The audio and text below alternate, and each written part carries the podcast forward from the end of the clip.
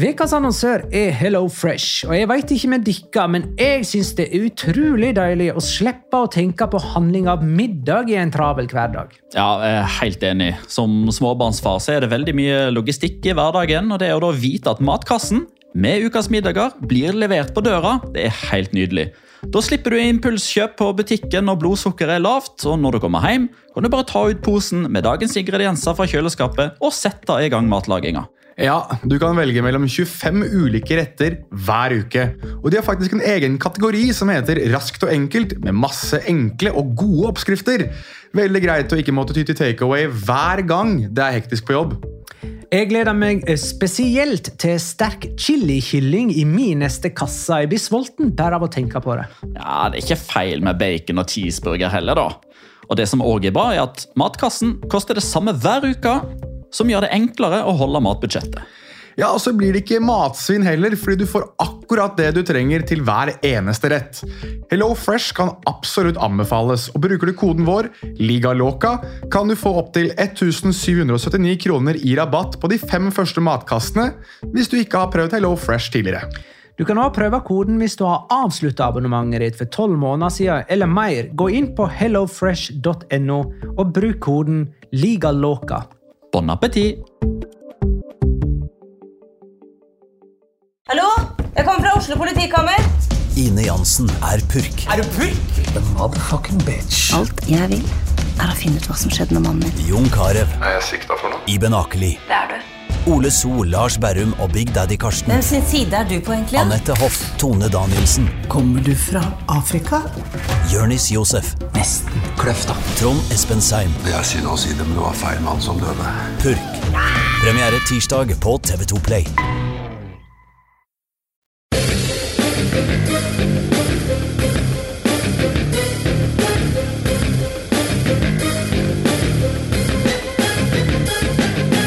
Har du sett? Topplaget er ikke gode før de ligger under 2-0. Det er derfor det er så jævlig skummelt med disse 2-0-ledelsene. Det eneste unntaket er Real Betis. De blir gode etter bare ett baklengsmål. Utover det var det flere lag som mista 2-0-ledelser enn lag som vant heimekamper denne La Liga-runden. La liga loca.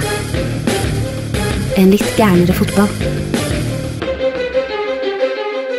Ja, ja, ja. Dette er La Liga Loca, episode 192 av det ordinære slaget, med Jonas Giæver i Oslo sentrum. Hei. Home of Shaloms. Eh, Magnar Kvalvik i Oslo sentrum. Hei. Halla. Og Petter Wæland. Hvor hen er du, da, Petter? Nei, du, Det er i uh, Furtebua hjemme i Spydeberg, det. Har vi- begynt å kalle det Furtebua? Er det der du Akkurat går nå. når du krangler med dama og heller vil se fotball?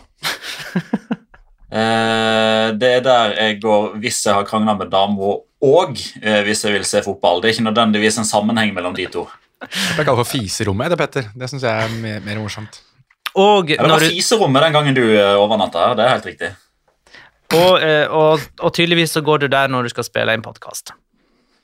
Ja, akkurat i dag så gjør jeg det. Nå, eh, altså nå, nå føler jeg at eh, vi blir angrepet fra alle kanter med omikron-smitte, så nå har jeg rett og slett bare låst meg eh, ute i annekset her. Jeg skal ikke gjøre noe som helst annet før jeg skal på jobb neste gang, fordi nå eh, med disse karantenereglene og så, videre, så jeg er ikke per definisjon fullvaksinert før om fire dager. Da er det ti dager siden tredje vaksinedose. Da kan jeg i så tilfelle teste meg ut av karantene hvis noen i nær familie blir smitta. Så fram til da så sitter jeg her.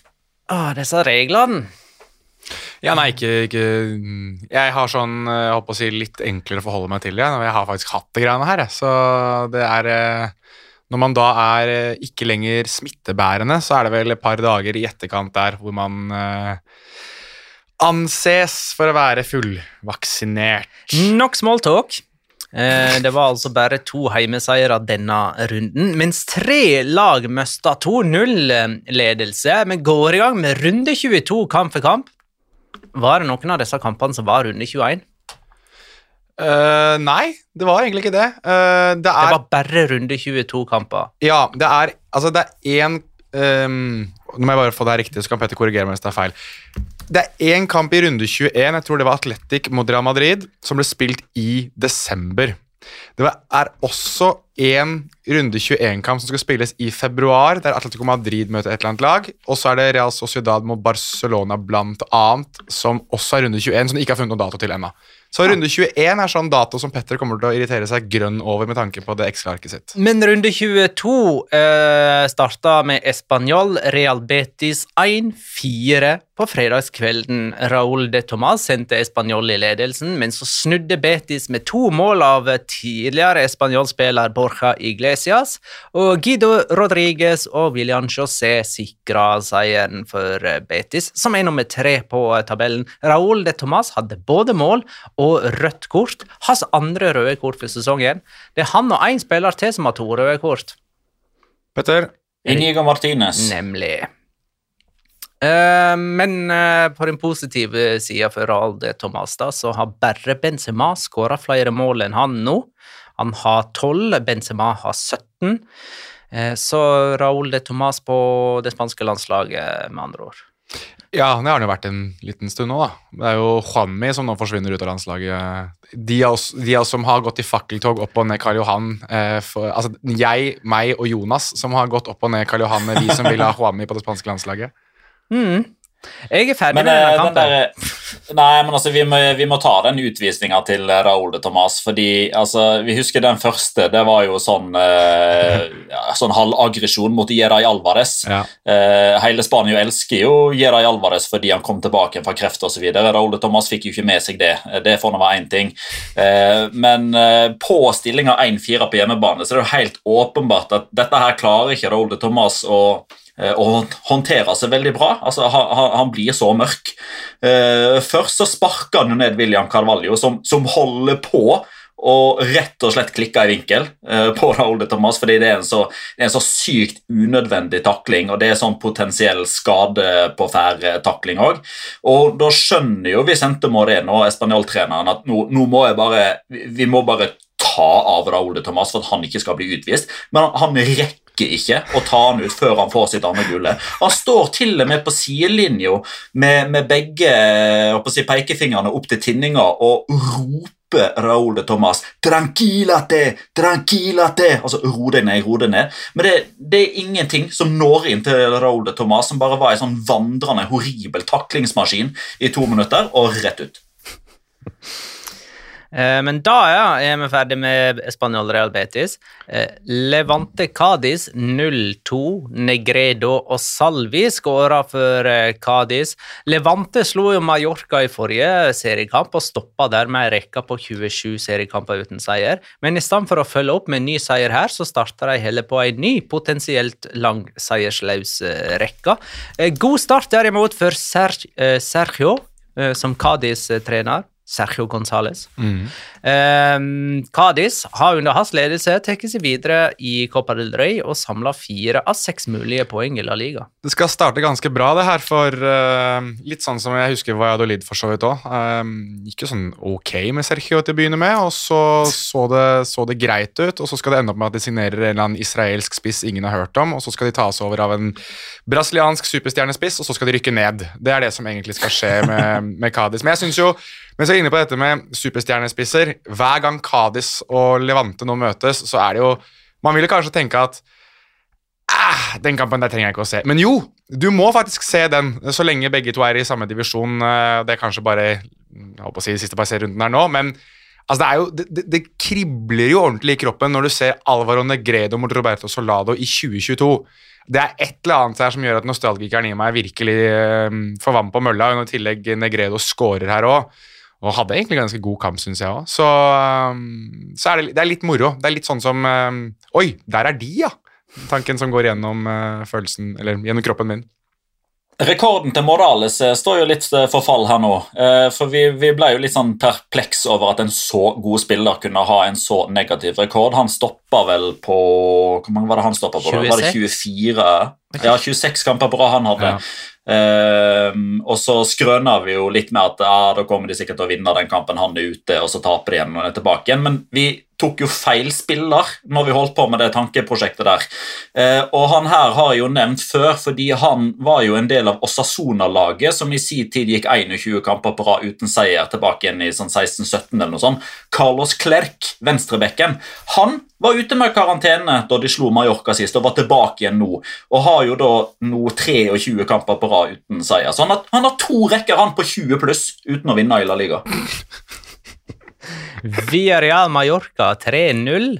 Eh, Russo skåra selvmål for Mallorca. Trigueros og Parejo skåra de to andre målene for Via Villarreal. Russo hadde selvmål, han lagde straffe, og han fikk rødt kort. Et herlig hat trick av ting du ikke vil skal skje, eh, av verste sort. Eh, Mallorca har tapt fire strake seriekamper, men mellom hver seriekamp så har de vunnet tre cupkamper og møter Rayo Vallecano i kvartfinalen i Copa del Rey. Eh, noe mer kan vi si om den kampen? Alberto Moreno spilte eh, igjen spilte fotball. Han, han har jo ikke noen posisjon. Han er bare, han er bare jeg, tror, vet du hva, jeg tror Alberto Moreno har blitt litt grann, altså, Jeg husker han i Sevilla. Da han var en veldig sånn, framtredende venstreback. Veldig offensiv, men spilte veldig tydelig venstreback. Så fant han aldri noen rolle egentlig i Liverpool og var litt sånn hit og dit og ofte skyld i baklengs osv. Så, videre. Så har han vært i Villarreal nå hvor han har vært litt sånn hm, Ja, ok, noen kamper god, noen kamper dårlig. Sometimes maybe good, sometimes maybe shit, som General Gattuso ville ha sagt. Men nå har, han bare, nå har tydeligvis Ona Emery bare sagt at nja, spill fotball, du. Og det gjør han. Eh, Han er satt opp som spiss eh, på- enkelte lagoppstillinger Ja, han er det. i denne kampen. Ja. Men jo, Jonas, var ikke det du som sendte meg eh, den eh, Jo, jo. Sendte ikke du meg et bilde av den frontrekka til Viareal? Jo da, det gjorde jeg. Eh, det var vel Den var sterk. ja, eh, Moy Gomez, Jeremy Pino og Alberto Moreno. Og hvis du på en måte Jeg tror man nå Trigueros høyere til i den eh, frontrekka. Ja, ikke, Det var Fotmob av, eh, som hadde satt opp eh, Jeg kan bare Ja, forte, forte meg å finne den, men de hadde satt opp eh, de tre ved siden av hverandre. Um, og da var det altså Jeremy Pino på venstre, og de hadde jo da Alberto Moreno i midten, og så hadde de Moy Gomez på høyre. De hadde satt opp i 4-3-3. Og da er det jo Hvis du da tar ansiktshåret, altså skjegg, eller skjeggveksten til Jeremy Pino, plusser den med skjeggveksten til uh, Al, um, Alberto Moreno, som da bare har bart, så får du altså skjegget og bartkombinasjonen som Moy Gomez har. Ja. Så det er liksom de to pluss hverandre er lik Moy Gomez. Så det var tre brødre som ikke er brødre, på topp for Villarreal. Men ja, Marka Så- kjørte altså 4-4-2 med Trigueros og Alberto Moreno som spisser. Den er bra. Ikke sant? Og det, og, og, og det gjør jo at uh, 3-0 mot Mallorca det er jo på mange måter sånn ok, greit, videre neste. Uh, men det er jo egentlig en veldig sterk uh, prestasjon. Og Unai Emery sa jo noe, noe i nærheten av at dette er en av de beste prestasjonene vi har gjort denne sesongen. Og det er jo fordi eh, det er egentlig fire lag denne sesongen her som har hatt fraværslister som ikke ligner grisen over en viss periode. Barcelona har vi jo nevnt gjentatte ganger, som hadde jo bortimot halve juniorlaget med til Mallorca, annet. Eh, La Real i september-oktober hadde sånn 10-11 mann ute. Sevilla hadde 11 mann ute og har hatt det nå de siste kampene. Og så har du Villarreal da, som, som i, i denne kampen her ikke kunne bruke Francis Coquelin, Arnaut Danjuma, Ruben Peña, Paco Alcácer, Serge Aurier, Samuel Chocoese, Bolaidia, Juan Foyth, Etienne Capo og Gerard Moreno. Så Sånn sett så er dette her en veldig veldig sterk prestasjon. Eh, ja, Jonas. Jeg vil bare si at eh, Mallorca har eh, altså, Nå har de jo tapt fire strake i, i La Liga. De har én seier på de siste 13, som på en eller annen merkelig måte er bortekampen mot Atletico Madrid. Eller så har de, eh, som da som oppsummerer jo bare Atletico Madrid veldig greit, men det er liksom det er én seier på de siste 13, fire strake tap på rad. Eh, er Luis Garcia Plaza kanskje neste mann vi skal legge litt bak øret hva angår sack race, eller? Det har i alle fall stødig kurs ned mot nedrykksstreken Mallorca, som er to poeng over Cádiz. Altså Mallorca er nummer 17, Cádiz nummer 18. De har ikke scora på de siste tre heller. altså Fire av de fem siste har de gått målløse av banen. Eh, Viareal er på sjuendeplass og kjemper faktisk om eh, en europaligaplass. Og akkurat nå så er de vel i konferanseligaen. Eh, ikke det sjuendeplassen som gir det? Ja, De er vel teknisk sett i eh, Europaligaen, men med tanke på Sånn inn i virkeligheten. Ja. Ja. Jeg bare er Denne sesongen, ja. Ja, jeg bare tenker at uh, For et lag som vi selvfølgelig forventer at det skal kjempe mot nedrykk, så er det greit at de, nå er de liksom på Europa i alle fasetter. ja. ja de, eh, Vi er real- vi er real spiller Champions League, bare så det er sagt. de ja, søren, de, ja, men de møter jo selvfølgelig Juventus. Det er Herregud. Ja. Sorry, det er, det er Unai Emery, Petter, og det er et nytt år. Jeg bare forventer at han er, er i Jeg tenker tar det bare for gitt meg. Ja, jeg syns det er greit. Eh, Sevilla Celta Vigo 2-2. Eh, dette var den første av mange kamper som skulle demonstrere den farlige 2-0-ledelsen. Eh, Servi og Aspas skåra for Celta Vigo, som leda 2-0. Sevilla kom tilbake ved Papu Gomez og Oliver Torres. To skåringer i løpet av 190 sekunder. Vi kan ta mer om den kampen senere. Atletico Madrid-Valencia 3-2. Og Den andre kampen som skulle demonstrere den farlige 2-0-ledelsen. Jonas Mossa og Ugo Doro sørga for at Valencia leda 2-0 til pause.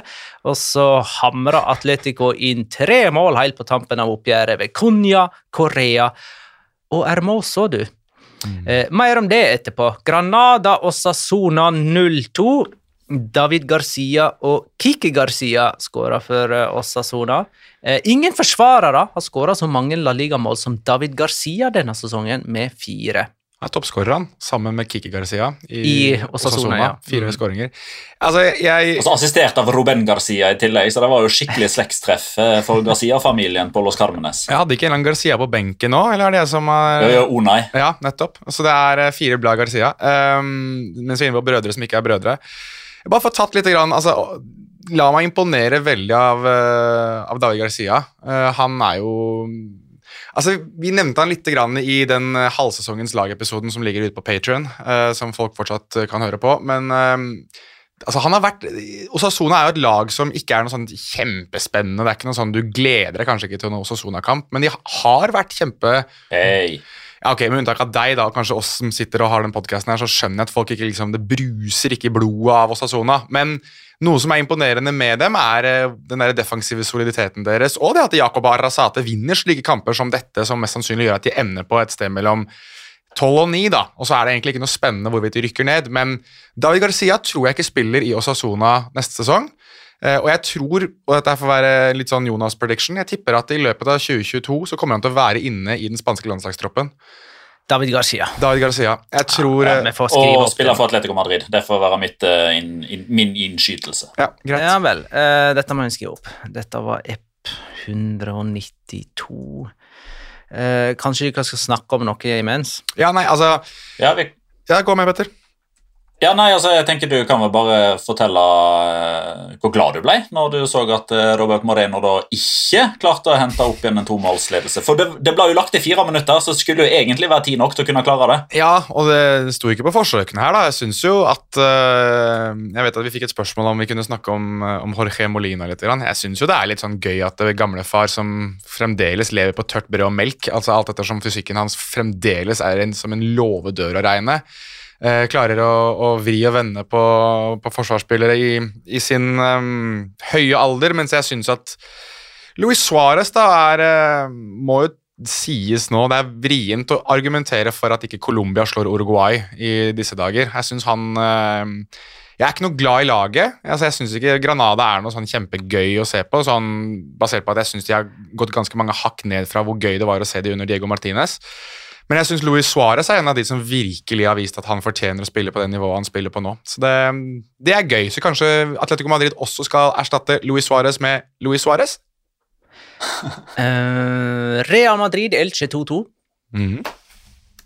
Uh, Lucas Boye og Pere Mia sørger for at Elche leder 2-0. Eh, Real Madrid kom tilbake ved straffeskåring av Modric og en heading av Militao. Eh, Dette skjedde jo få dager etter at det enda uavgjort etter 90 minutter, og i Copa del Rey mellom disse to lagene. Det dramaet som utspant seg i ekstraomgangene i Copa Copa del Rey, ble vi jo snytt for eh, da laget møttes i, i La Liga, da, dessverre. Ah. Kan vi bare få sagt det? Jeg skulle ønske jeg gjøre at det er til en sånn kjempelang Copa del Rey-greie, men det er så gøy nå at det er én kamp, altså. Det skjer så, altså Barcelona mot Atletic også, fantastisk fotballkamp.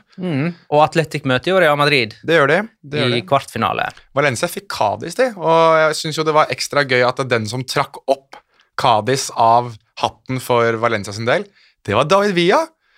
David Villa som sto der og trakk, eh, trakk klubber, så um, han eh, fortsetter å levere for Valencia. Kjøpt og betalt. Ja, ja, det er greit, det. No, altså, noe, må, noe godt må komme ut av de pengene til Petter Lim også, Petter. Nå, eh, virkelig, altså. Elche har aldri vunnet på Santiago Bernabeu og kom svært nær her med 2-0-ledelse og greier, men uh, det ble ikke denne gangen. De har heller aldri vunnet på kamp nå, eller uh, ja, borte mot Atletico Madrid, da, Vicente Calderón, skråstrek Wanda Metropolitano. Eh, Jeg regner med at vi skal snakke mer om denne siden. jeg lurer på Eller? Nei, ta det nå. Uh, Nei, okay. Nei, jeg bare tenker, altså eh, Du har liksom spillere som, som liksom har en tendens til å melde seg på uh, when the going gets tough. Uh, og Peremia begynner jo å bli en liten sånn type både på godt og på vondt. Eh, han skåra jo på Camp Nou eh, mot Barcelona. Han skåra jo nå på Santiago Bernabeu. Det var han som skåra i det omvendte oppgjøret mot Real Madrid på, Santiago Bernabeu, på Martinez Valero. Han ble utvist i cupkampen eh, som de spilte nå for noen dager siden, og det var han som lagde straffesparket som eh, Real Madrid reduserte på. Så når Peremia spiller mot Barcelona og Real Madrid, da skjer det ting. Synes også det var veldig altså, Jeg kan ikke ha vært alene om å tenke det at uh, da Tete Morente gikk ut der og ble båret av banen, så tenkte jeg at her, nå faller Elche sammen som et korthus. Ikke fordi jeg syns Tete Morente nødvendigvis er en sånn der ekstrem spiller, men han har vært viktig for dem i det grovarbeidet som de har gjort, spesielt på bortebane. Um, så jeg tenkte at da han forsvant ut så, Men da virket det som det gikk en faen da i uh, samtlige av spillerne. Jeg syns Fidel Chávez annet var god i den kampen her òg. Så Elche har det mobilisere eh, mot, uh, i sånne kamper som dette. Jeg syns Johan Mohica er han er for god altså, for det Elsa-laget. Jeg beklager Eirik Koren, men jeg syns han er altfor god. Uh, nå har han klart å endre sveisen sin igjen nå, som gjør at jeg faktisk ikke kjente han igjen til å begynne med. Men uh, syns at han uh, Det derre drivet han kommer med selv mot slutten av kamper altså han er jo, Vi har snakket om at han var vel klokka inn som den kjappeste spilleren i La Liga da han var i Girona. Um, jeg kan ikke være langt unna nå heller. Han er uh, ekstremt god. Eh, Benzema bomma på straffe i denne kampen. Det var hans første straffebom som Real Madrid-spiller, og Real Madrid sin første straffebom siden 2018. Ja, og ikke nok med det. Uh, han gikk også av banen med skade. Han gjorde det! Ja, gjorde det. Er det noe nytt der, eller, Petter? Nei, det er, det er en sånn ty... Det, det er jo et navn for dette her nå, føler jeg. Det er jo en Benzema-skade. eh, og når det er en Benzema-skade, så er det sånn at han eh, kjenner litt ubehag. Han har veldig lav list for å gå av når han kjenner det ubehaget, men han gjør nok lurt i det. For i stedet for å forsøke å liksom, eh, tvinge seg til å, å bite den smerten i seg, kanskje forverre det, som gjør at man er ute i, i tre-fire uker, da, så er det alltid sånn at ok, Benzema går av banen. Hvor lenge er han ute? Eh, han er tilbake til neste kamp. Eh, Ja, så det, det var jo Selvfølgelig så skjønner jeg jo at eh, Real Madrid-supportere blir litt sånn At de blir eh, litt sånn negative tankebaner de kommer seg inn i når de ser at det napper litt i lysken der at Benzema går ut, men eh, eh, det har jo gått fra å være sånn Å, Paris om tre uker til Nei, nei, slapp av. Han spiller på samme med som ti dager. Men jeg skjønner godt eh, frykten deres, for det er ganske stor forskjell på de eh, spissene. Benzema og Luka Jovic. Ja, jeg satt og tenkte på det. Da, da det var liksom Luka Jovic som sto der og varma opp, så tenkte jeg at åh, er det, er det noe lag i La Liga som har et større strekk mellom første og andre valg? Den er stor, den der, men jeg kommer tilbake til det. Eh, Real Sociedad Getafe 0-0. Eh, det har bare blitt skåra 13 mål på 11 oppgjør på nye Anueta. Stusslig stadion. Hvor mye brukte de egentlig på å renovere det? Altfor mye, vel? det Nei, men det, er en bra, det må jeg si, altså. Det, det, er en, eh, det er en av de stadionene der det er best som jeg har vært på i Fantastisk stadion for all del, men det blir jo ikke skåra mål der. Nei. Pro problemet der var at når de fjerna løpebanen, så hadde de jo ikke noe sted å sette disse hekkene som de bruker når det er på 110 meter hekk. så Det er jo derfor det aldri blir skåra mål, for de snubler jo i hekkene hele jævla tida. Eh, Real Sociedad har jo generelt De har skåra 22 mål på 21 seriekamper denne sesongen. Kan jeg få ta noe jeg syns er fascinerende med det Getafe-laget? Altså hvordan de, hvordan de At de er nummer fem på Kike Sanchez Flores-tabellen. Ja, de kjører jo denne, ja. Kike, altså, Hugh Laurie-tabellen, er det det det har blitt? Dr. House uh, han, er, altså, han er Dr. House. Det må jeg bare få ha loggført. Jeg lurer på om det kanskje har rykka opp på fjerdeplass nå. Jeg har ikke sjekket han på Ja, de, de har faktisk det. Også, Ja, men, mens dere snakker nå, så skal jeg komme med en annen uh, lookalike. Den er faktisk enda bedre enn de jeg har hatt i de siste kampene. Men jeg vet ikke hva han heter ennå. Det er en skuespiller. Jeg må bare finne ut hva han heter. Ok. Vær så god, fortsett. Nei, jeg Han har sikkert spilt i en sånn halvpornofilm. Ja, sikkert Ja, Det er der jeg har han fra, i så fall. Og så skal du korrigere med å si Nei, men han er jo mer kjent for Ja. Jeg har ikke så mye mer jeg skulle si egentlig om den kampen. Jeg, eh, Jo, jeg ville si at Jo, eh, vent da. Ja. Eh, Jeg kan ta et spørsmål. Bare snakk, du.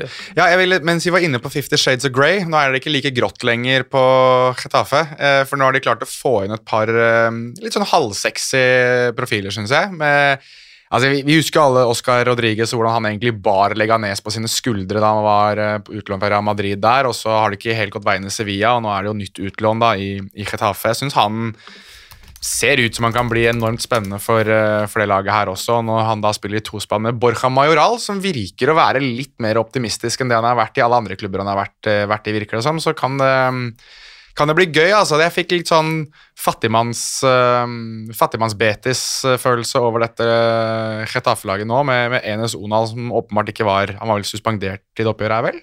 Var han ikke det? Eller var han ute med skade? Veit ikke. Ja. Jo, Enes Onal kan suspendere. Han var suspendert. Ja, nettopp. Ja, han og Sandro var ute med, med karantene. Ja, eh, men altså med tanke på at de har da Jaime Mata, Borja Majoral, Enes Onal, Sandro Det ligner litt på William José, Juanmi og Borja Iglesias. Litt Ja. sånn eh, det, Ja, det gjør ja, så det det er gjør litt, det. litt sånn First Det gjør Price-utgaven av Betis. Det var dette spørsmålet Men- her fra Roar Skarre R. eh, Alexander Sørloth. 16 kamper i La Liga, sju av dem fra start, og ett mål.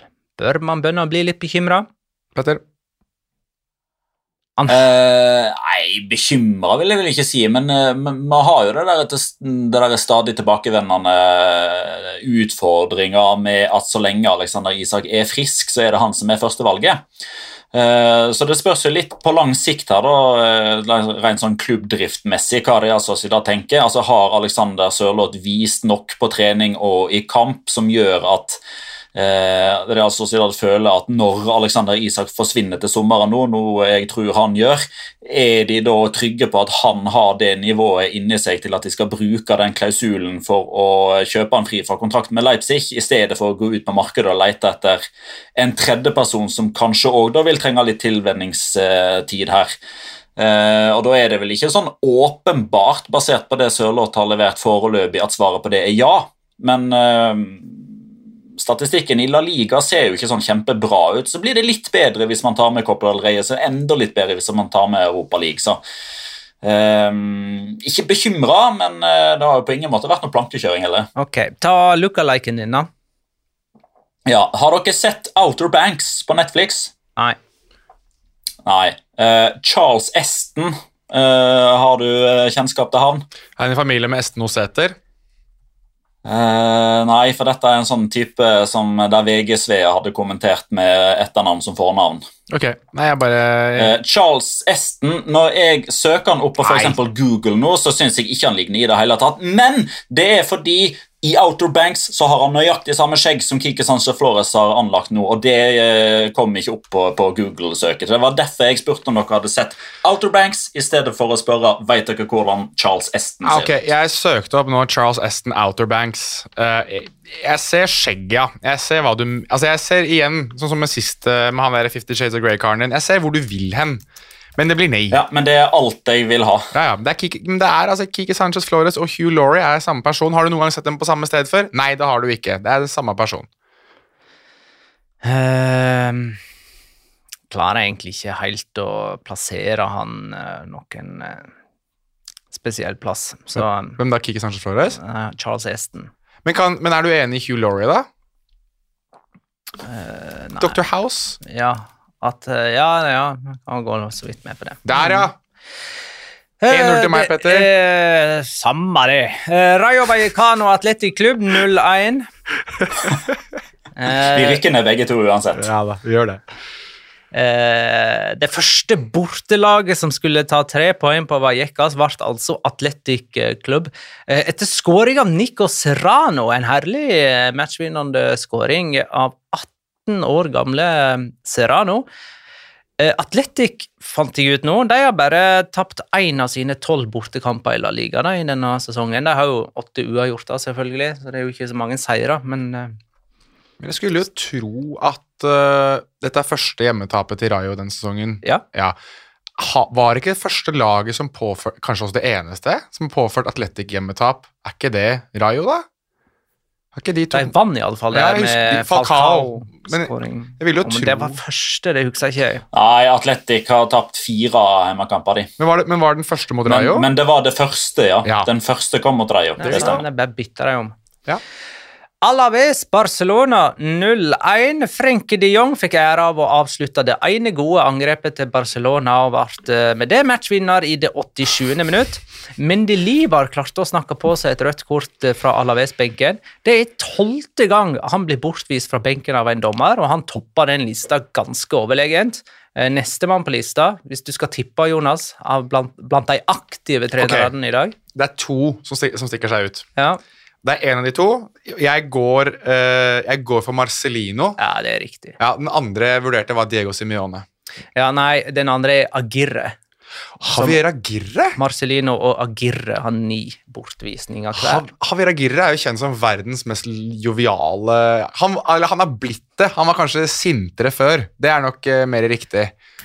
Han var, var veldig Ryktene, ryktene vil for øvrig ha det til at Mendeliba Mendili ble, eh, ble utvist fordi han eh, etterspurte en varsjekk. Gjorde han det? Mannen som hater VAR mer enn noe annet skulle ha Da er det jo José Luis Mendilivar. Hæ? Yes. Men uh, var det det, eller bare Hey! tuller du nå, uh, Petter? Nei, Jeg vet ikke helt hvor jeg har det ryktet fra. Ja, um... Kan ikke du sjekke det opp? da? Du er jo kongen av å finne sånne dommerrapporter der det står hvorfor dommere eller hvorfor trenere blir bortvist. for det var Nei, altså, han, ble, han ble utvist eh, for å, for å protestere, og det, det ryktet om at det var en varsjekk, det ble, det ble født i furtebua. Aha, ok, så dette her er fake news, altså. ja, andre dette er fake news, for det var ikke en var situasjon da han protesterte, Nei. sånn som jeg husker det. Se- Tenk det, at Petter Wæland skulle komme med litt fake news her i dag. Det er bra. Det er bra, Petter. Nei, Da, men, Ja, ja, ja. Men jeg kan- må bjuda på. men kan vi si bare om, om Mendelibar at uh, jeg syns også at det er det mest mendelibarske du får noensinne, er å klare å snakke på deg rødt kort i tilleggstiden. Altså, det er litt sånn som Raúl Thomas, som Petter var inne på tidligere. Bare sånn ro deg ned, liksom. Men nei, det er så quintessential José Luis Mendelibar å bli utvist i tilleggstiden i andre omgang når du holder på å tape, uansett, og i dette tilfellet mot Barcelona, som ikke det egentlig er noe skam å tape mot når du er Alaves-trener. Kanskje litt skam for han som har møtt de 24 ganger og bare vunnet én. Han begynner kanskje å bli litt lei av disse forpulte tapene mot Barcelona. Wow! Explicit? Ja, nå, nå gikk vi altså bare inn i hodet hans. Okay. Det var ikke mitt sitat. Det, det var hans sitt fantasisitat. Det var litt sånn artisteri fra deg? Kall det hva du vil. Ja. Nå er vi ferdig med Kamp for kamp. Da er det på tide med tittelkamp. Uh. Vi må nemlig snakke litt om Sevilla versus Real Madrid, og hva som er um, av muligheter der for eh, Sevilla. Eh, de, eh, dette er jo to lag som lå under 2-0 hjemme mot eh, eh, ja, middelhavsfarer minus. I Elches tilfelle så er det middelhavsfarer minus. Sel Celta skal Nei, vi jo enige om Atletic er jo tiendeplasslaget, så det er vel de ellevteplass, da, og så er Valencia tolvteplass. Ja. Eh, Sevilla kom tilbake. Papu Gomez, herlig reduseringsmål. Eh, jeg må bare få sagt det, at fire av hans seks La Liga-mål har kommet fra utenfor 16 meter. Eh, og så var det Oliver Torres eh, som eh, utligna for eh, Sevilla, som mangla i alle fall ni spillere her pga. skade, covid-19 og Afrikamesterskap. Enisiri er ute, Lamela, Bono, Jesus Navas, Suso, Condé, Delaney, og nå måtte jaggu òg Fernando ut. Ja. Er kanskje Sevilla det laget som nyter best av at det er pause nå? Petter? Ja, så kan du ta med Ludvig eh, Augustinsson òg, som vel har hatt eh, korona i det siste. Ja, og Lopetegi var jo Eh, heller ikke på benken pga. å ha testa positivt. Ja, det er helt riktig. Så um, Sevilla forsøkte jo å ta en uh, Arsenal ved å sende Osama Idrissi på lån til Cádiz, uh, sånn at de ikke hadde spillere igjen. Men uh, i La Liga så har man jo et litt annet regime som er litt strengere. Der skal de ikke utsette kamper. Um, så jeg syns det er Det er jo i utgangspunktet et resultat dette her som nok vil føles som to tapte poeng for Sevilla, men så har du liksom det faktum at de kommer tilbake igjen, og at de er liksom De er helt på stålet. De er helt på felgen. Eh, for Én ting er jo at de hadde elleve mann ute i denne kampen og i forrige kamp, men av de åtte-ni ja, som har vært ute relativt lenge, så har du jo både Navas, Lamela og Soso og Enesydi som har vært ute egentlig ja, i to-tre-fire måneder nå, som gjør at i deres posisjoner da, så har jo f.eks. Gonzalo Montiel, eh, Lucas Ocampos eh, Du kan ta med eh, Du kan ta med godeste mm, Rafa Mir. De har jo egentlig spilt mer enn hva de bør, med tanke på det å få litt sånn pustepause innimellom. Eh, det er jo ofte sånn at hvis man, eh, hvis man, har mange spillere som er ute på samme posisjon, så har i alle fall Julian Lopetegi vist at han er, han er veldig eh, reservert for det å gi unge spillere muligheten, vanligvis. Forrige sesong så hadde de ikke en eneste kamp der en spiller med drakt nummer 26 eller over var involvert i La Liga. Absolutt ingen. Denne sesongen så er liksom altså, Statistikkdokumentene mine da, for å si det sånn, på Sevilla fra forrige sesong til denne ser ut som altså Det er to vidt forskjellige ting. Du, du vil ikke tro at det er samme klubben. liksom. Hva er det som har skjedd? Uh, spør jeg meg sjøl. Liksom. Du har Luis Micros, du har Javi Diaz, Juan Lo Sánchez, Alfonso Pastor, Pedro Ortiz, Ivan Romero, Antonio Sarsana, Valentino Fatore og Nacho Quintana. Altså Du har ni mann som har fått spilletid denne høsten, eh, eller den høstsesongen og vinteren. her, og Det forteller alt om den prestasjonen til Sevilla, som de facto aldri har vært bedre etter 22 serierunder, hvis du ser på poengsummen. Det, det, er vel, eh, det er vel de og Barcelona som har brukt flest spillere i hele La Liga, med 31 ulike, eh, så jeg en plass. Eh, og så ja. spiller de jo dessuten en type fotball som, som ikke hviler heller. Altså, Det er jo bare heseblesende fotball. De, de hviler ikke med ballen i laget, for å si det sånn. Og altså, Hvis de vinner, så er det jo 1-0, og med sånn her eh, knappest mulig margin og sterk press mot seg mot slutten. Ja, det, det som er litt rart med, med Sevilla, synes jeg, når du snakker om, og det er litt sånn rart, men det er karakterbrist da, når du tenker på denne personen jeg skal inn på nå. Men den spilleren som ofte gjorde at da Sevilla tok ledelsen, ledet 1-0, kanskje 2-0, eller det ble redusert til 2-1, og de måtte, måtte roe ned spillet Den som ofte gjorde det for, for Sevilla, var Ever Banega. Han var enormt god på akkurat det der, å liksom forstå tempoet i kampene. Mm. Uh, John Jordan har ett tempo, og det er 100 og helvete. Uh, Rakitic virker ikke som han er kjapp nok hele tiden. Og så har du da Fernando som egentlig har blitt en sånn balans... Altså jeg hater egentlig det begrepet, men han er en balanserende midtbanespiller i det at han passer på at uh, Dio Carlos, og i det tilfellet er Rekik, da, uh, ikke faller for langt bak og ikke står for høyt. Det har han også gjort med Condé. Altså Fernando er egentlig den som er the unsung hero i det laget her, som gjør at hvis han forsvinner ut i en lengre periode, så, så frykter jeg litt for Sevilla sin del. Men jeg syns det er ingen i midtbaneleddet deres som i hvert fall kontinuerlig er gode på det med temposetting. Uh, Rakitic burde være en del bedre med det, men begynner kanskje å, bli, begynner å kjenne litt på at han begynner å bli eldre, og at beina hans ikke er like kjappe som de var en gang i tiden. Mens jeg synes bare, jo mer jeg ser den, der, den midtbanen til, uh, til, Sevilla, jo ofte tenker jeg at wow, hadde de hatt Ever Banega her, bare sånn Ikke nødvendigvis at han starter alle kampene en gang heller, men at han, som en alternativ, da. Det hadde vært ja, Da tror jeg de hadde gjort det virkelig virkelig bra, istedenfor å ha hatt f.eks. John Jordan eller da ja, kaste inn på Oliver Torres. da. Fungerer nå, men jeg syns ikke han er noe kjempegod. De har spilt to uavgjort den siste veka da, Sevilla. Borte mot Valencia endte 1-1, og hjemme mot Celta Vigo endte 2-2. Begge kampene kosta masse krefter. Før det så spilte de jo mot Real Betis over to dager i Copa del Rey. Eh, og nå har de jo like mange kamper spilt som Real Madrid og ligger fire poeng bak. Nå spilte jo Sevilla lørdag denne eh, runden her. Mm. Uh, og siden de tapte to poeng mot Celta Vigo, så regna man jo med at Real Madrid skulle øke forspranget med en seier mot Elche, men sånn ble det ikke. Man tok det nærmest for gitt, uh, og har vi da glemt uh, hva som er typisk for Real Madrid, nemlig at de feiler mot uh, småklubbene. Hva tenker du, Petter? Ja, ja, eh, jeg tenker det, og jeg ser litt på de kommende kampene for Sevilla. For nå er det jo det er spillere som er på vei tilbake igjen fra, fra både koronasykdom og, eh, og disse småskadene, f.eks. Jules Condé osv. Altså begynner dette hvert å se litt lyst ut for, for Navas og Soso og Lamela, som må kanskje tilbake inn sammen med Delaney.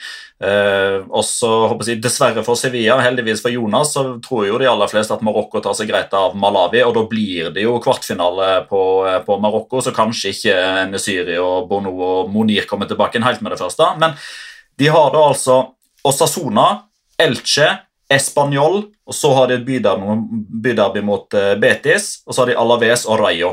Og Sevilla de pleier, når de ikke er helt på felgen, altså når det er normale forutsetninger da, for Sevilla, så pleier de å gjøre jobben i de kampene de er favoritter. Det er som regel et lag man Man, man vet som regel hvor man har de. De vinner de kampene der, og så klarer de som regel ikke over tid å ta disse storskalpene. Eh, klarer sjelden å ta Barcelona, de klarer sjelden å ta Real Madrid, spesielt på bortebane så klarer de det aldri. Eh, og så taper de som regel også borte mot eh, Atletico Madrid. Mens Real Madrid på sin side det, altså det, det, er egentlig helt utrolig. Jeg satte opp en, uh, en sånn uh, rekke med, med, kampene de har spilt denne sesongen i alle turneringer, og så fordelte det liksom på to forskjellige kolonner, der venstre kolonna var vanskelige kamper, enten i form av tabellposisjon hos, uh, hos motstander eller litt sånn historisk rivaleri. Det vil si Betis, Valencia, Villarreal, Barcelona, Sevilla, Atletic, Real Sociedad og Inter i Champions League. I løpet av de 14 kampene der så står Real Madrid med 13 seire og 1 uavgjort. mens, mens i alle de andre kampene, som da eh, det er Levante det er Osasona, det er Español, det er Elche, det er Cádiz, det er Retafe. Da har de bare klart å vinne seks av tolv. Kan jeg, kan jeg få lov til å, å, dra en sånn eh, La Liga Loca-flashback, eh, da, som jeg gjorde nå i siste episode også? Eh, Dr. Jekyll and Mr. Hyde. There you go. There you go. Og jeg syns eh, det var like riktig da som det, som det er nå, tydeligvis. Og neste seriekamp for Real Madrid er hjemme mot Granada. To nye tapte poeng. ja, jo, men vet du hva? Jo, men vet du hva, vet du hva jeg la merke til? Uh, Vinicius Junior altså Jeg driver jo som regel og, og sjekker odds på kort osv. Og, og det med Vinicius pleier liksom aldri å ta hensyn til, fordi det er jo som regel ikke en spiller som, eh, som havner i dommerens bok fordi han er ving og kjent for alt annet enn det. Men der la jeg merke til at der ble oddsen på at han skulle få gult kort, spilt voldsomt ned. altså Oddsen ble halvert. Så Der var det veldig mange som spekulerte i at han skulle pådra seg et gult kort, som han gjorde. Og Nå soner jo han karantene mot Granada, og der har du litt av det problemet. Eh, det kan godt hende at de feier Granada av banen og vinner 4-0, men der, har du litt av den der eh, overhengende fornemmelsen man har. og at ah, hjemme mot Granada, altså, Vinicius, bare ta det kortet, for det fikser vi. Og så viser det seg at de gjør ikke det allikevel. Det, det, liksom, det, er de følelsene der man, man sitter og tenker liksom på vegne av Real Madrid, og som gjør at hvis det er San Mames, hvis det er Mestalla, hvis det er Classico, hvis det er topp motstand i Champions League, da er de 100% påskrudd. Men så har de kanskje litt for høy selvtillit inn i disse kampene her mot Elche, Granada, Cardis og Retafe og you name it. All right. Uh, skal vi gå videre? Kan vi godt. Mm -hmm. Atletico Madrid, eh, Valencia. Jeg føler vi må snakke litt om, um, om den kampen og om Må vi? Ja, men vi kan, vi kan, fokusere på Atletico hvis det gjør det enklere for deg. Dette er en sånn seier som kan for Atletico Madrid samle ei splitta spillergruppe og får dem til å se framover med nytt mot og optimisme.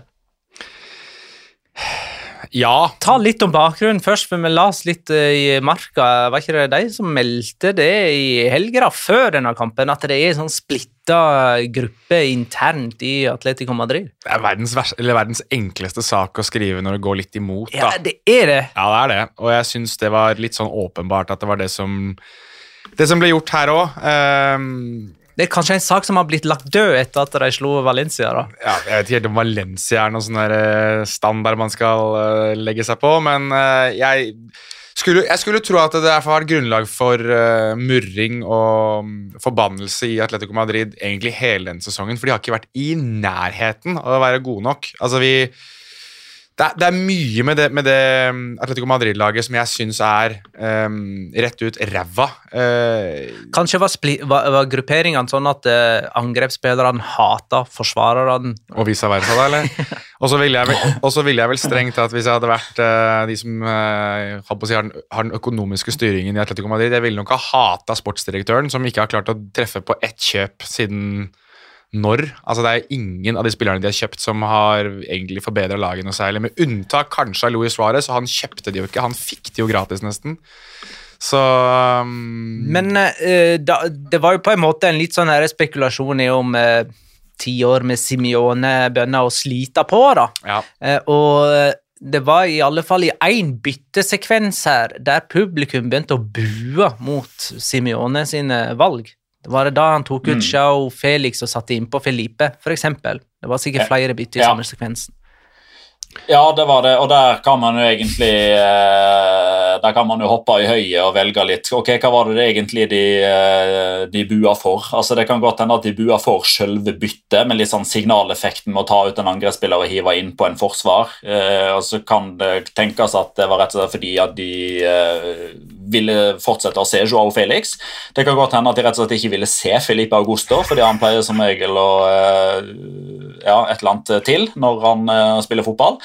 Eh, og Han sa jo det etter kampen òg, Diego Simeon at han skjønner veldig godt at folk ikke skjønner hva som foregår inni hans hode når han velger hvem han tar ut og hvem han uh, setter inn, og at han skjønte at det kanskje så litt merkelig ut uh, sett utenifra, men at de hadde en plan, uh, og at heldigvis så funka den planen denne gangen. og det vi har jo vært inne på det litt sånn tidligere, at akkurat det der med, med kampledelse og bytter og sånn er ikke nødvendigvis det Diego Simione er aller best for, fordi noen ganger så kan det virke som at han forsøker liksom å gjøre de litt sånn småkontroversielle tenker utenfor boksen-byttene som gjør at etterpå så kan han liksom stå og se på se på de byttene jeg gjorde, og se hvordan det gikk. Og så kunne han endelig gjøre det nå, da. Ja, altså, En stoppet klokka er jo rett to ganger i døgnet, tenker jeg. Og Diego Simione sine bytter er jo ikke, det er ikke det, han er mest kjent for, men jeg syns For å ta det Magnar egentlig etterspurte her, altså signaleffekten da, å vinne en sånn kamp som dette på overtid, to skåringer Selvfølgelig, det, det bygger jo lagmoral. Jeg tror at de fikk den seieren på en måte på det best tenkelige tidspunktet, men også på det verst tenkelige tidspunktet. Fordi at du går jo nå inn i en landslagspause da, med litt vind i seilene etter en sånn kamp. Altså det, det er ikke sånn at det er murring når folk drar, men samtidig så vil de jo bygge videre på det momentumet som kanskje skaptes av en kamp som dette. Så um, det blir spennende nå å se hvordan Atletico Madrid gjør det da i neste, neste serierunde. Nå kommer jeg ikke på i farta hvem det er de møter neste serierunde, men det er jo Barcelona? Atletico. Ja, det er Barcelona, selvfølgelig. Det er faktisk på kamp nå, Så det er mm, De hadde sikkert ønsket at den skulle spilles nå neste helg, for da hadde de hatt litt grann, um, sikkert litt mer eh, motivasjon, holdt jeg på å si, eller litt mer eh, oppofrelse for eget system enn det de kanskje har hatt tidligere. Mens for Valencia sin del så er det jo det stikk motsatte, da. Der blir det jo spennende å se hva som skjer de neste par dagene. Valencia har ikke sleget Atletico siden 2014. Nei, vi, eh, jeg snakket med podcastvenn Magnus Bernstrøm om det, og da var det selvfølgelig Nono Espirito Santo som var, eh, var trener, og det var jo litt sånn eh, nunosk da Valencia prøvde å kjøre en Trebex-linje der. Men det var jo det Nono Spirito Santo gjerne spilte, bare at spillerne i 2014 het veldig andre ting. De het vel kanskje Nicolas Otamendi, Oshkodran Mustafi, og så tror jeg Antonio Baragan klarte å lure seg inn der, men Og når laget møttes på Mestalla denne sesongen, så leda jo Atletico med to mål og slapp inn to seine til 3-3. Eh, Hugo Doro da òg, vet du. Hugo Doro med to mål. Ja, Og så nå, nå var det Atletico som skåra to seine, og Jigu vant det jo. Men jeg syns den skåringa til, til Jonas Mossa, eh, som for øvrig er en fantastisk fin skåring Men jeg, jeg, jeg klarer ikke å slutte å tenke ja, Petter må gjerne komme, komme inn på det her òg, men jeg klarer ikke å slutte å tenke at det der er en sånn skudd som Jan Oblak tar 99 av 100 ganger. Altså, Jan Oblak tar de der, Petter. Ja, man, man, skulle tro det. Og det er, jo, det er jo så mange statistikker nå på uh, det defensive slurveriet til, til, Atletico Madrid at man kan jo bli sjøsjuk når man forsøker å navigere seg gjennom det. Men en av de tingene som står mest ut, er jo redningsprosenten til Jan Oblak, som er langt under 50 Helt sykt. Eh, altså, av de skuddene til motstanderne som treffer innenfor stengene, så er det flere som går forbi enn han klarer å stoppe. Eh, så det, det, understreker jo bare det poenget vi har hatt egentlig ja, de siste to månedene. at der eh, de tre i utgangspunktet da, verdensklassekeeperne man har i, i, La Liga som spiller for de tre store, så er det to stykker som har hatt fryktelig dårlige sesonger. Det er Ter Stegen, som begynner å komme seg litt igjen nå, og Oblak, som ennå ikke har klart å finne tilbake til seg sjøl. Og så er det Courtois, som liksom er som begynner faktisk å få besøk av Yasin Bono i den, uh, i den, på, på den hylla han er på nå. Dette er fjerde gangen at Valencia leder og taper en La Liga-kamp denne sesongen. Eirik Strøm Pedersen spør hvor god skråstrek dritdårlig er Maxi Gomez, og hvorfor? Eh, og dette har jo jeg svara på før. Eh, Maxi Gomez er dritdårlig fordi at når han er alene med keeper, så legger han seg heller ned for å få, en, få rødt kort på en motstander enn å komme til avslutning. Og han er en belastning for eh, Valencia. Når skal han selges og for hvor mye til Juventus? Til Juventus. Kan vi ikke heller si jeg skal si 15 millioner euro til Wolves? Det er jo passelig. Det høres jo ut som en sånn type overgang som ja. Eventuelt, så hvis Valencia på en eller annen merkverdig måte klarer å lure Newcastle til å betale altfor mye penger for ham uh, i løpet av det vinduet her, eller kanskje til sommeren, så hadde det også vært en berikelse. Men uh, selv ikke Newcastle kan være så dumme, tenker jeg. Litt om Men dette her er jo en gledens dag, Jonas. Fordi Valencia signerte uh, en spiller, eller? Ja. Det er ikke offisielt akkurat nå, men det kommer jo til å bli det hvert øyeblikk. Ja, Det er ingen som vet om han er, da. Nei, men de har signert en spiller. Ja. Jeg spurte Han heter jo uh, Okai Cummert, uh, som kommer fra Eller Chummert, jeg vet ikke om du uttaler etternavnet hans, men han kommer fra um, Jeg likte den første varianten. Ja, da, jeg vet det. Uh, det var derfor jeg måtte korrigere meg selv for å prøve å ikke gjøre det mer eksplisitt enn det Magna gjorde her i stad. Men uansett, han kommer fra Basel og er vel en sånn sveits-tyrkisk variant. Jeg spurte det var litt på Twitter om det var noen som visste noe om han, og da var det Uh, en som jeg regner med at kan litt mer enn meg, som heter Pascal uh, Kurlic, eller Kutchley, eller et eller annet sånt. skrev jeg i hvert fall. Good defender, but a bit error prone. Wish him all the best at Valencia. Og da skrev jeg vel tilbake at will fit in nicely with the other defenders at Valencia. Good defender, men, men, men, error prone. Det er Valencia, ass. Ja, ikke sant? Ja, men det, men, men det som jo er litt uh, interessant her, da, er jo at uh, det som potensielt sett er det nye stoppa paret til Valencia med Kjømmert eller Kømert eller hva han heter, og Alderete, det er jo det gamle stoppaparet til Basel som møtte Retafe og Bordalas i Europa League i 2019-2020. Den... Så nå er det bare å holde pusten, for snart kommer både Tauland Chaka og Valentin Stokker og Fabian Frey fra Basel òg. Det der, er, du, er, det noen som har skrevet om det, eller har du dratt den ut av ræva di nå bare for å sjekke opp han der, hva, slags, hva slags erfaring han har med spansk fotball? Nei, Jeg sjekka eh, altså, tidligere klubb Basel. Det vet jeg jo at Omar Alderete òg var. fordi Jeg kommenterte jo den første kampen hans i Hertha Berlin da han kom fra Basel. Jo. Og så tenkte jeg Basel de har jo nettopp møtt Tretafe, og da var jo Bordalas trener. Og da gikk du inn og sjekka hvem som var stoppeparet for Basel? Ja. Det er, altså Må jeg få si, altså no, det, Jeg pleier å ha en sånn føljetong på Twitter. Sånn dere har noen gang lurt på hvor dedikert Petter Wæland er til spansk fotball? Det, det, det, lydklippet her kan man isolere og legge ut som en sånn uh, videre føljetong på det. Men her, her, viser han jo dedikasjon til tysk fotball. Ja, det òg. Spansk-tysk spansk, fotballekspert Petter Wæland. Veldig bra. Mm, litt om Barcelona. Uh, de slo altså Alaves i Vitoria med 1-0. Skåring i 87. minutt. Eh, en ganske trasig eh, kamp. Eh, men Marka hadde i helga en interessant liste over antall ulike angrepstrioer Xavi har brukt på sine 13 kamper som Barcelona-spiller, trener. Og det er tolv ulike angrepstrioer som nå ble til 13 ulike angrepstrioer i hans 14. kamp, bare sånn at det er sagt. Og, og så blir det jo snart nummer 14 òg, for nå er jo Martin Brathwaite klar igjen. Ja, ikke sant. Han har brukt 11 forskjellige spillere i angrepstrioen. I den grad han har bare brukt angrepstrioer, jeg er litt usikker. Han starta med det hele tiden. Eller har han hatt en duo der framme i noen Jeg lurer på om han hadde hatt en helt i starten, ja. Ja. hadde en Men duo. la oss bare si angrepstrioer, da. Og den spilleren som har starta hyppigst i angrepet, jeg vet ikke hvem det er. Jeg gjetter på at det er Luke de Jong. Nei, Peter? Kan det være S. Abde? det er riktig. Abde Salah Messal Soli. Der, altså! Som takket nei til å spille i Afrikamesterskapet for Marokko for å være med på det greiene her. Ja, ja, ja, men det er jo hans mulighet til å skinne, eller Ja, på en måte. Ja, ja, nei, jeg, Akkurat nå så klarer jeg ikke å bestemme meg for om Marokko eller um, Barcelona er best.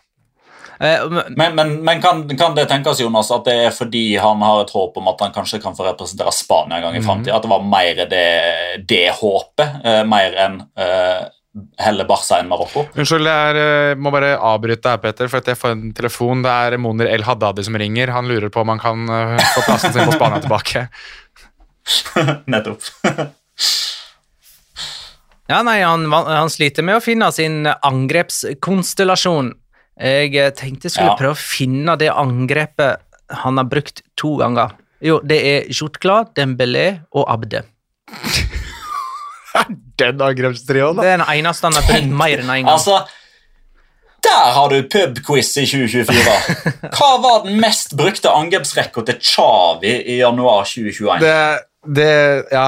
Og altså, det, er, det blir også gøy å sjekke hvor er disse spillerne nå, de tre der, for der kan, der kan det slå mange veier, ass. Mhm. Hvor hen Altså, er Dembélé nå? Ja, hvor er han egentlig nå? Ja. Ja, Han hvor er, jo ute med en sånn her pent latinsk diagnosenavn for luft i magen, eller noe. Ja, det er litt sånn som, eh, bare for å ta, ta det veldig kjapt, at Giorgio Mamardashvili i Valencia var ute grunnet overvekt. Mm. I Valencia. Eh, I Valencia, ja. Jeg bare ville ta det. Eh, men eh, Vi trenger ikke å snakke så mye om Osman Dembélé, da, men jeg, men jeg må bare få sagt det at jeg eh, Jeg berømmer det lite grann. Jeg syns det er like oppsiktsvekkende hver gang det er en sportslig leder eller direktør eller en trener som går ut og bare sier ting akkurat sånn som de er. Og i hvert fall sånn som de opplever at det er. Og det så vi jo at Matheo Alemann har jo nå gjort, da. hvor Han gikk ut og rett og slett sa at Vet du hva? Vi har sagt til Osman Dembélé, vi har gitt- ham flere tilbud, og de har blitt systematisk blitt avvist av agenten hans. Nå har vi sagt du må ut av klubben kjappest mulig. Og jeg elsker når eh, direktører gjør sånt. Altså bare er dønn ærlig om at nå har vi prøvd, du vil ikke, vær så snill dra. Og her er meldingen til alle supporterne som, som også vet at det er dette som pågår. Nå er det ikke noe mer spekulasjon. Fantastisk. Vi kan kåre rundens spiller. Eh, Mathea Alemany har da vunnet den uh, Nei, jeg bare tuller. Men jeg, jeg, vil bare si én liten ting før vi lar Barcelona-toget dundre videre mot eh, en skinnegang som vi ikke vet hvor fører hen. Uh, la dere merke til Frenkie de Jong som kom med et aldri så lite stikk i det postmatch-intervjuet? Tenkte dere det samme som meg da? Jeg så det Hvis ikke. dere fikk det og med hva dere? var det Han sa jo forskjellige ting, da. Eh, Ja, nei, altså Det han sier altså Han får jo spørsmål fra, fra reporteren da, med, med, etter en litt sånn oppløftende periode med, med spillemessig framgang tross tap i El Clásico, så virker det som at dere kanskje har tatt et lite steg tilbake nå, da, at dere eh, heller vinner noe på en dårlig dag. Hva, hva tenker du om det? var Frenk- mer eller mindre spørsmålet. Da, det var Frenkie de Jong, ja. Mm. Ja, Frenkie de Jong. Eh, og da sier han det, og, og han trekker liksom på skuldrene og har noen ansiktsuttrykk og grimaser osv. Og, så, og så sier han liksom at eh, han, han syns det blir helt feil at en klubb som Barcelona skal være stolt når vi taper. Det kan ikke være sånn. Og jeg syns det er interessant at han står opp på den måten der og liksom sier det han mener, for han taler jo eh, Joan Laporta og Xavi midt imot. For det var jo ingen som var mer stolte over det tapet til Barcelona enn Xavi og Joan Laporta. Nei, er uh, iallfall Xavi sa men Han sa vel etter det tapet i den supercupen at eh, Xavi da, at uh, eh, hvis det er én måte å tape på, så er det sånn. Uh, var ikke det noe i den duren han sa?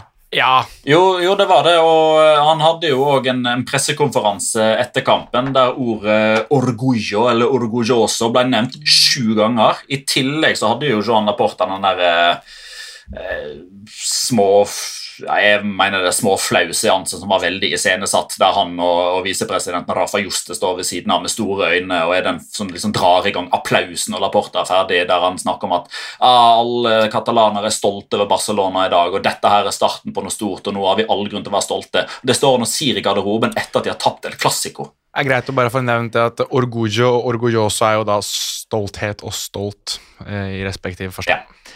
Ok, Det glemte jeg å si i min villfarelse. da kan vi kåre rundens spiller, og Jonas K. Lindgren han eh, foreslår Franco Russo. Eh, altså han som skåra sjølmål, eh, skal lage straffe og fikk eh, rødt kort. Hva sier du, Petter? Vet du hva, Jeg er helt enig. Jeg er helt enig, fordi det, altså, Grunnen til at han er rundens eh, spiller, det er jo at han har klart noe som ingen i La Liga har klart siden 2001. Han er ikke rundens Eh, jo- men får tredjeplassen. Bare sånn at eh, Eh, Nei, han er ikke, nei det, det er riktig. Han er rundens tredje, og så sett inn adjektiv spiller. For det er jo ingen som har sagt at dette her skal være rundens beste spiller. Dette er rundens spiller. Og så får det være opp til oss å nominere ut ifra de forutsetningene. Og Franco Rosso, som altså da klarer å A. Skårer selvmål. B. Lager straffe. C. Blir utvist. Og D. Taper kampen. Altså det, Han er én av bare fire uh, Unnskyld, tre spillere som har klart det gjennom hele La Liga-historien. Tenk hvor mange spillere som har vært i La Liga! Tenk hvor mange kamper som har blitt spilt i La Liga! Eh, og så har du da Mr. Chip, som, eh, som naturligvis skal krediteres denne, mm, denne staten her. Den forrige som klarte det kunststykket, han vant riktignok eh, kampen. Det var Wagner i et oppgjør mellom Celta og Valencia i 2001. Da spilte Jon Carew. Oi, mye bra. Ja, så nå skal vi bønne og kåre spillere som er ræva mot favorittlaget vårt, til runden spiller. Helt riktig. Eh, nummer to kan, du kunne, da kunne jo du strengt tatt bare eh, vært Santimina. Jeg hører at han har det han har et fengslende eh, inntrykk på fotballen i disse dager. Men eh, jeg trenger ikke å gå nærmere inn på det. Santimina for Celta Vigo. Har du ikke mot, fått med deg Santimina-saken? Nei, mot Sevilla. Nei, Santimina er jo Det er jo en fengselssak som, eller en oh! straffesak som pågår mot han. oi. Han er jo er han ikke, Har det ikke kommet til tiltalelse nå, da? Han skal vel opp i retten og greier? Han for grov voldtekt eller Hva faen? Ja, så, men eh, ettersom det ikke er, han ikke er blitt funnet skyldig, så lar jo Celta Viggo han spille til uh, Det er vel liksom den derre Skal han sendes til Saudi-Arabia da, og spille for en klubb der? Ja, det er, slippe, det er i hvert, fall, i hvert fall sånn det har fungert her til lands, når uh, spillere har i hvert fall delvis dømt for slike ting. Uten at vi trenger å gjøre dette til en podkast om God stemning. det. Ja, da, vi trenger ikke det. Men uh, Altså, runden spiller andreplass, tenker vi går på nå. Det er Mateus Cunha som kom inn eh, for Atletico Madrid og snudde denne kampen med sine involveringer. Først så eh, reduserte han til 2-1. Uh, og så hadde han jo målgivende på 3-2-målet. Jeg husker ikke i farten om han var involvert i 2-2-målet. Kanskje ikke. Kanskje han tok seg fri da og overlot ansvaret der til eh, Luis Suárez og Ángel Correa, som for øvrig òg kom inn og, og jo skåra utligningsmålet. Men eh, den eh, eh, innflytelsen Cunha hadde på eh, kampen da han kom inn, den kan ikke oversees. Så nummer to på han. Nummer én er jo da eh, spiller som jeg la meg fascinere av, fordi at jeg husker han veldig godt. og Han var eh, litt sånn eh, fremadstormende. Han er sikkert en av de som har blitt kalt for sånn fremtidig Gabel Batistuta eller neste Ernan Crespo eller noe sånt. Eh, han er ikke helt der, Lucas Boyer, men han eh, begynner å vise at det bor noe ekstremt spennende i ham. Altså Barcelona har vært koblet med ham nå den siste tiden. Jeg vil bare få lese opp hans siste, altså siste åtte kamper i, i La Liga for Elche. Han to skåringer mot Mallorca bortebane. Altså, så gikk han tre kamper på rad uten noen ting. Mot eh, henholdsvis Betis og Sassona og Cádiz. Skåra borte mot Valencia. Assist borte mot Barcelona. eh, Assist hjemme mot Villarreal.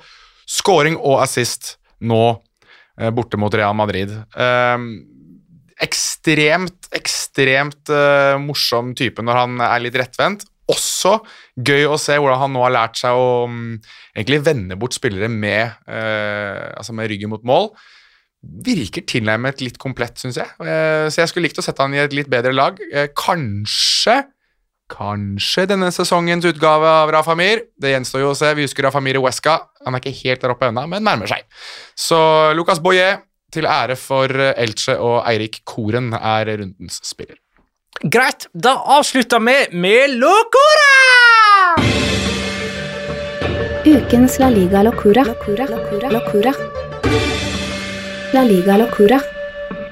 Jeg kan begynne, jeg, for det at det blir på en måte en fortsettelse av eh, rundens spiller-nominasjonen min, for Mateos Cunha hadde jo som eh, rundens sp- spillernominasjon, fordi at han kom inn og gjorde et sterkt, eh, hadde en sterk innflytelse på eh, kampen. Eh, det hadde ikke han som kom inn for Real Madrid da Karim Benzema måtte ut med en eh, strekkskade, nemlig Luka Jovic. Han hadde sju ballberøringer på 35 minutt og gjorde ingenting av seg. Og som jeg har vært inne på tidligere, så spørs det om det er et større spenn i kvalitet på de to spissene man har tilgjengelig eh, i La Liga, enn det som er tilfellet for Real Madrid. Man skulle egentlig ikke tro det var et så stort spenn mellom Benzema og Luka Jovic, men sånn har det liksom bare blitt i praksis. Ja, og kan, er det noe større Da må jeg bare stille spørsmål. Tror du det er noe større sprik mellom andre- og tredjevalg òg, når liksom det er Luka Jovic til Mariano Diaz? Ja, jeg lurer på om spennet mellom Benzema og Mariano er mindre enn spennet mellom Benzema og Luka Jovic. At Mariano er, er andrevalg. Sant, altså Mariano Diaz hadde nummer syv i Real Madrid, så vi må, må aldri glemme det. Aldri glemme det. Uh, men uh, greit, uh, Mikael Bjerkan ber oss snakke litt om Paco Gemes, og det kan vi vel gjøre i et Locora-segment, eller? Jeg vet ikke om Petter har noe pakk å Det- med seg? Ja, altså han er jo, eh, han er jo selve definisjonen på galskap. Um, For det første så husker jeg jo at eh, jeg har sett noen eh, studiosendinger på, på Movistar, og det var i desember, det var rett før jul. Og Da satt jo han der som, som studioekspert og fikk spørsmål fra programleder om Du har ikke tenkt deg tilbake i trenergjerninga snart? Og nei, nei, nei, trives så utrolig godt her, det kan, kan du bare glemme. Så tar det tre uker, og så ringer Ibiza, og da sier selvfølgelig Paco Remes, den store partykongen, «Ei, ja da! Setter meg på første fly. Og så har du liksom eh, debuten, da, der de eh, vinner borte mot eh, Fuenlabrada etter å ha har gått eh, mange kamper på rad uten seier i, i forveien, for det var jo en grunn til at eh, forgjengeren fikk fyken. Og så i første heimekampen Ibiza Alcorcon 6-2. Og i eh, den foreløpig siste kampen, da, Malaga Ibiza 0-5. Så Paco Remes er tilbake igjen, folkens, så watch this space. Han er jo eh, kongen av hyperoffensiv fotball, eh, godeste Paco Remes. Jeg har jo også bestemt meg for å ta mm, steget ned til Segunda for min Locora. Og mm, mens jeg er inne på litt sånn eh, kjente trenere, han PP Mell er det jo mange som fremdeles husker, kanskje spesielt litt mer Rayo Vallecano-øyene. Han var jo der en periode, men kanskje mest Betis, vel? Eh, Absolutt. Og West Bromwich. West Bromwich hadde han også en periode. Der jeg husker Han snakket overraskende godt engelsk i de intervjuene han gjorde der. Eh, Han er jo krimforfatter. Han, han sk- han skriver bøker à la um, sånn Da Vinci-koden og sånt. ja. um, Er han, er han First Price-utgaven av han som skrev, skrev Da Vinci-koden? Magna er kanskje en av dem som har lest eventuelt PP Mell sine bøker. Jeg har ikke, ikke lest Jeg tror ikke de er på, um, på uh, engelsk. Han har liksom ikke helt den Dan Brown-appellen. Skriver han PP melankolske sakprosa? Uansett, eh, er han har i masse tid til å gjøre det nå, for han fikk jo nylig sparken i eh, Las Palmas. De tapte jo 3-2 mot eh, Fuenlabrada. Eh, og det har ledet til litt sånn drama i Las Palmas, fordi to av spillerne til Las Palmas, Robert Gonzales og Oscar Clemente, ble observert på byen etter den kampen hvor de eh, feira og, og på å si, koste seg på byen. Eh, og spesielt Robert får jo en del kritikk fordi han ble jo lånt til Las Palmas fra Betis etter at PPML selv ba om akkurat Robert. Men det som er interessant med dette, er jo at eh, det ene får nå være at de er på byen og blir filmet etter et tap. Men den som har plukket opp og lagt ut på sosiale medier, er ingen ringere enn datteren til PPML, som har skrevet en lengre tekst ved siden av eh, filmen der de koser seg på byen, om eh, litt hvilken skam det er, annet at man eh, oppfører seg på denne måten overfor når man da nettopp har, opplevd at man har mistet treneren sin, osv. osv. Litt sånn Litt sånn samme, samme gate som datteren til Peter Lim den gang, da hun mente at dette er vår klubb, og dere må slutte å klage, liksom. Eh, så, så datteren til eh, PP Mel har eh, tatt til orde for, for dette, og videoen ligger for øvrig ute enda på hennes konto, så jeg regner med at hvis, eh, når folk hører dette, så er det vel fortsatt mulighet for å se, se videoen. Jeg tror hun heter Iris Mell, så da kan man Det eh, er, ja, det er helt riktig. Og eh, hun er, eller var i hvert fall, gift med dattera til tidligere Sevilla-president José María del Nido. Så hun, altså hun var sammen med datteren til José María del Nido? Jeg, jeg, jeg, jeg trodde du skulle si barnebarnet til Boris Jeltsin eller noe. Ja, det var de ikke. Ja, det men det er da, da, Nei, hvem var det igjen? Og det var han eh, russeren på Celta Vigo. Kersjakov, var det ikke det? Nei. Ja, nei. nei, det var, nei, det var Fjodor Smolov. Smolov var det som var innom, selvfølgelig. Fjodor Smolov. Men da kan vi også nevne, mens vi er inne på dette med døtre eh, Ferran Torres har jo nylig vel sånn delvis bekrefta han er sammen med datteren til Luis Henrique. Ja. Så da er det jo verdt å tro at eh, han uh, enten kommer til å være i alle landslagstropper eller ingen landslagstropper framover. Uh, vi kommer Ja. ja.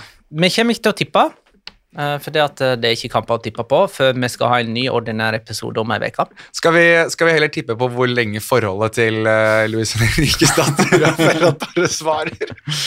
Uh, får- Ja, ev ev eventuelt så kan jo jeg bare ta en siste fotballting, da, sånn at folk ikke tror at vi har blitt panelet når, eh, når de logger av uh, den podkasten her nå. Det er jo at uh, Vi er jo inne i et overgangsvindu som fortsatt er åpent. Det er Magnar sin favorittid av året. eh, eller på andreplass, eh, for sommeren er jo selvfølgelig bedre, for da er det jo tre måneder der det er åpent.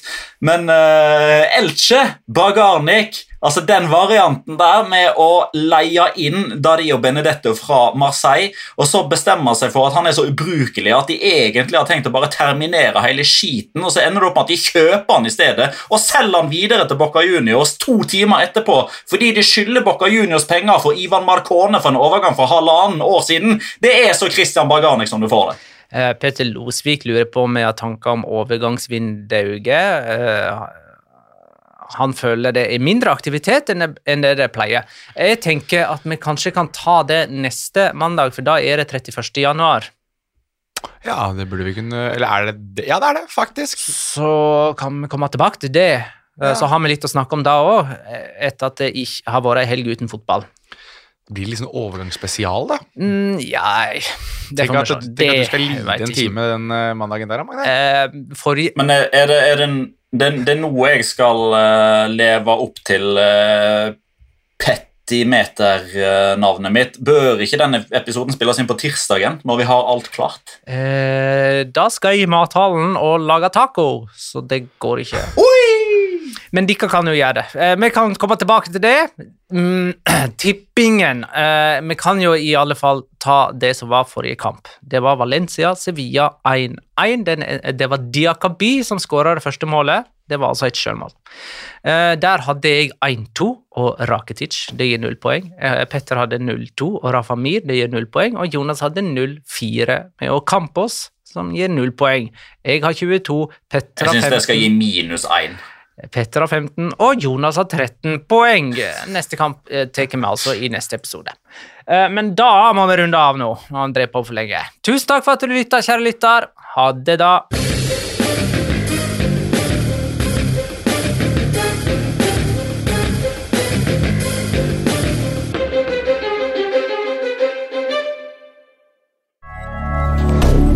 Moderne media. Har du et enkeltpersonforetak eller en liten bedrift? Da er du sikkert lei av å høre meg snakke om hvor enkelt det er med kvitteringer og bilag i fiken, så vi eh, gir oss her, vi. Fordi vi liker enkelt. Fiken superenkelt regnskap.